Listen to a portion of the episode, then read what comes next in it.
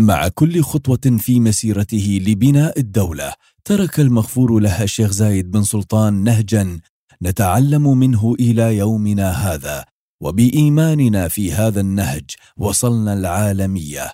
اليوم تحتفي دي بي وورلد بمسيرة تمتد لأكثر من خمسين سنة. شاركنا فيها في مسيرة بناء الإمارات مع الآباء المؤسسين. واليوم نتحدى المستحيل حتى نغير ما هو ممكن إلى ما هو أفضل. موانئ دبي العالمية. إرث إماراتي أصيل.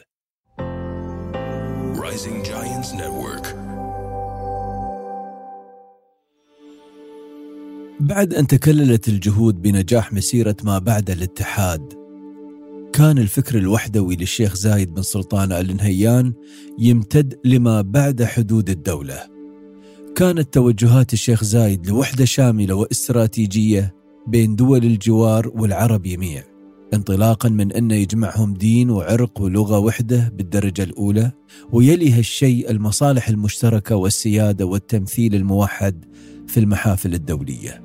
في نهايات السبعينات اجتمع الشيخ زايد مع أمير الكويت الشيخ جابر الأحمد الصباح عدة مرات تباحثوا فيها سبل تعزيز وتطوير الوحدة واستحداث قوة إقليمية تمثل مصالح دول الخليج العربي وخاصة أنها كانت فترة فيها توترات وتهديدات بين الولايات المتحدة الأمريكية والاتحاد السوفيتي باستخدام القوة النووية لإنهاء الحرب الباردة. سجل الشيخ زايد موقفه في هذه الفترة في كلامه إن ما نحتاج إليه في منطقة الخليج هو التنسيق والتعاون في حاجاتنا المختلفة السياسية والأمنية والاقتصادية والفكرية. حتى تستطيع هذه المنطقة أن تخلق بهذا التكامل روحا وجسدا واحدا ينبثق منه صحة أمن الخليج. بالتعاون بين Rising Giants Network مؤسسة وطني الإمارات و DP World نقدم لكم قصة القائد المؤسس وباني الإنسان والدولة المغفور له الشيخ زايد بن سلطان آل نهيان طيب الله ثراه. الحلقة الخامسة. حكيم العرب. تحولت فكرة هيئة تجمع دول الخليج العربي من فكر وحدوي إلى حقيقة ملموسة في يوم 25 مايو 1981 لما اتفقت دول الخليج العربي الستة وهي الإمارات العربية المتحدة المملكة العربية السعودية دولة الكويت وسلطنة عمان ودولة قطر ومملكة البحرين على تحقيق تكامل إقليمي فريد من نوعه. يوحد مصالحهم ويزيد من الترابط والألفة فيما بينهم. وهني ألقى الشيخ زايد خطابه الشهير في الجلسة التأسيسية في هذا اليوم في أبو ظبي يقول إني على أمل كبير في أن ينجح هذا المؤتمر وأن يتطور مجلس التعاون الخليجي ليصبح منظمة فعلية ومنتجة تستفيد منها كل دولة من دولنا الستة. وفي الفترات اللي كان الشيخ زايد يعمل فيها على ترسيخ الفكر الوحدوي على نطاق إقليمي وقومي كانت الحدة بين دولتين من دول الجوار جد وصلت ذروتها بعد الثورة الإسلامية في إيران بدأت العداوة مع العراق ورئيسه الجديد تشتد وتتحول لأكثر من مجرد تصريحات سياسية وتهديدات لينشب على أثرها حرب في سبتمبر عام 1980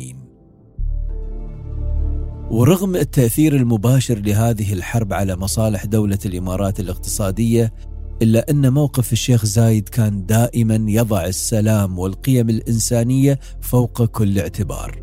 ومن مبدأ الروابط اللي تجمع دولة الإمارات مع طرفي النزاع ناشد الشيخ زايد الطرفين بالتوقف عن إراقة دم المسلمين والتحرك نحو تحقيق السلام لما له من تأثير على المنطقة كلها.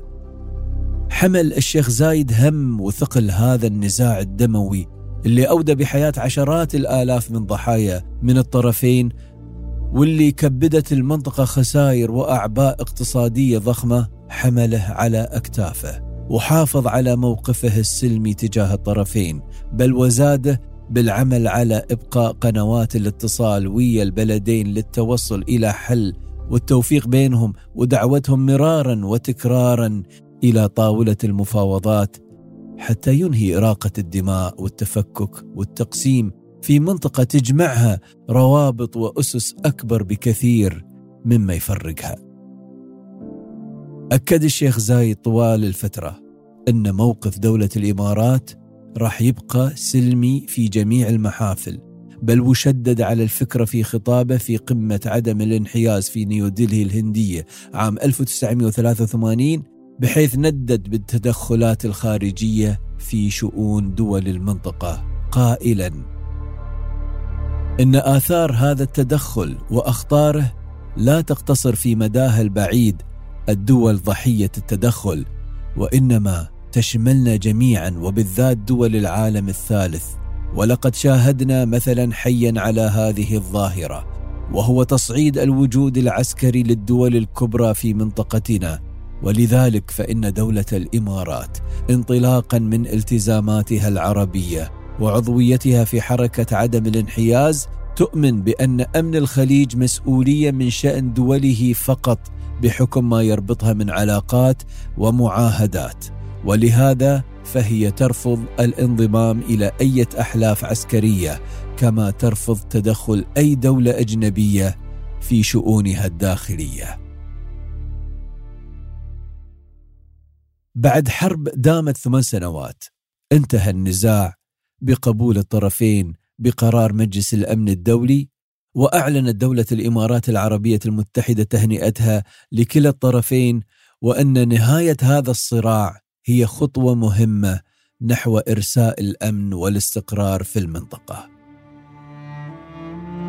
لكن حملت السنوات التي تلت نهاية الحرب العراقية الإيرانية أحزان ضخمة للشيخ زايد على صعيد شخصي بحيث توفي أخوه الأكبر الشيخ شخبوط بن سلطان آل نهيان الحاكم السابق لإمارة أبو ظبي في صيف 1989 وما فتئت أن تلتئم الجراح حتى وقعت كارثه مفاجئة هزت الإقليم بأكمله.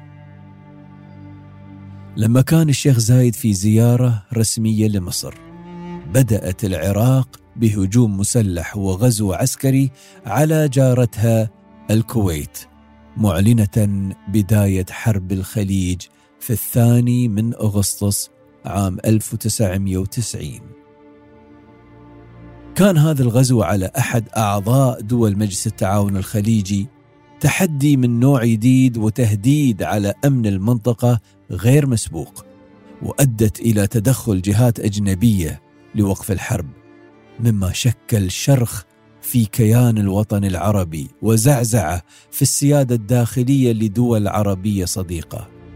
اشترك الشيخ زايد مع عاهل المملكة العربية السعودية الملك فهد بن عبد العزيز آل سعود في اليوم التالي للغزو العراقي للكويت في محاولات لإنهاء الحرب ودرء الفتنة حتى يحد من الخسائر البشرية والمادية اللي ممكن تحل على دولتين من دول الجوار واحدة منهن شريكة وعضو في مجلس التعاون لدول الخليج العربي. عقد على إثر اجتماع الشيخ زايد والعاهل السعودي قمة عربية عاجلة لمعالجة الوضع ولكن بدون فائده. خلال فترة عرض الحلول والمحاولة لوقف الغزو وانسحاب القوات العراقية من أراضي الكويت استقبل الشيخ زايد في الإمارات ما لا يقل عن 66 ألف كويتي من اللي تقطعت بهم السبل نتيجة العدوان العسكري العراقي في فترة مظلمة شديدة التوتر في المنطقة جاء أجل شريك الشيخ زايد في رحلة الاتحاد وبناء الإمارات الصديق والنسيب نائب رئيس الدولة وحاكم دبي الشيخ راشد بن سعيد آل مكتوم في أكتوبر 1990 وقال فيه الشيخ زايد في مراسم تشييع جثمانه كان رجلا بارا من رجالات هذا الوطن وفارسا مغوارا من فرسانه ورائدا من رواد وحدته وبنات حضارته. وإذ كان قد انتقل إلى مثواه الأخير فإن ذلك لا يعني أن يغادر ذاكرتنا أو حياتنا بل سيبقى رحمه الله خالدا في القلوب والمقدمة بين الذين تسخر تاريخهم بجلائل الأعمال. بالأمس كان المغفور له أبا للشيخ مكتوم وأخوانه واليوم أنا أبوهم وعوضهم فيه وهم عوضي أنا في أبيهم كما وأنهم عوض شعب دولة الإمارات العربية المتحدة بما عرفته وعرفه هذا الشعب منهم من حب وحرص وتفاني في خدمة هذا الوطن.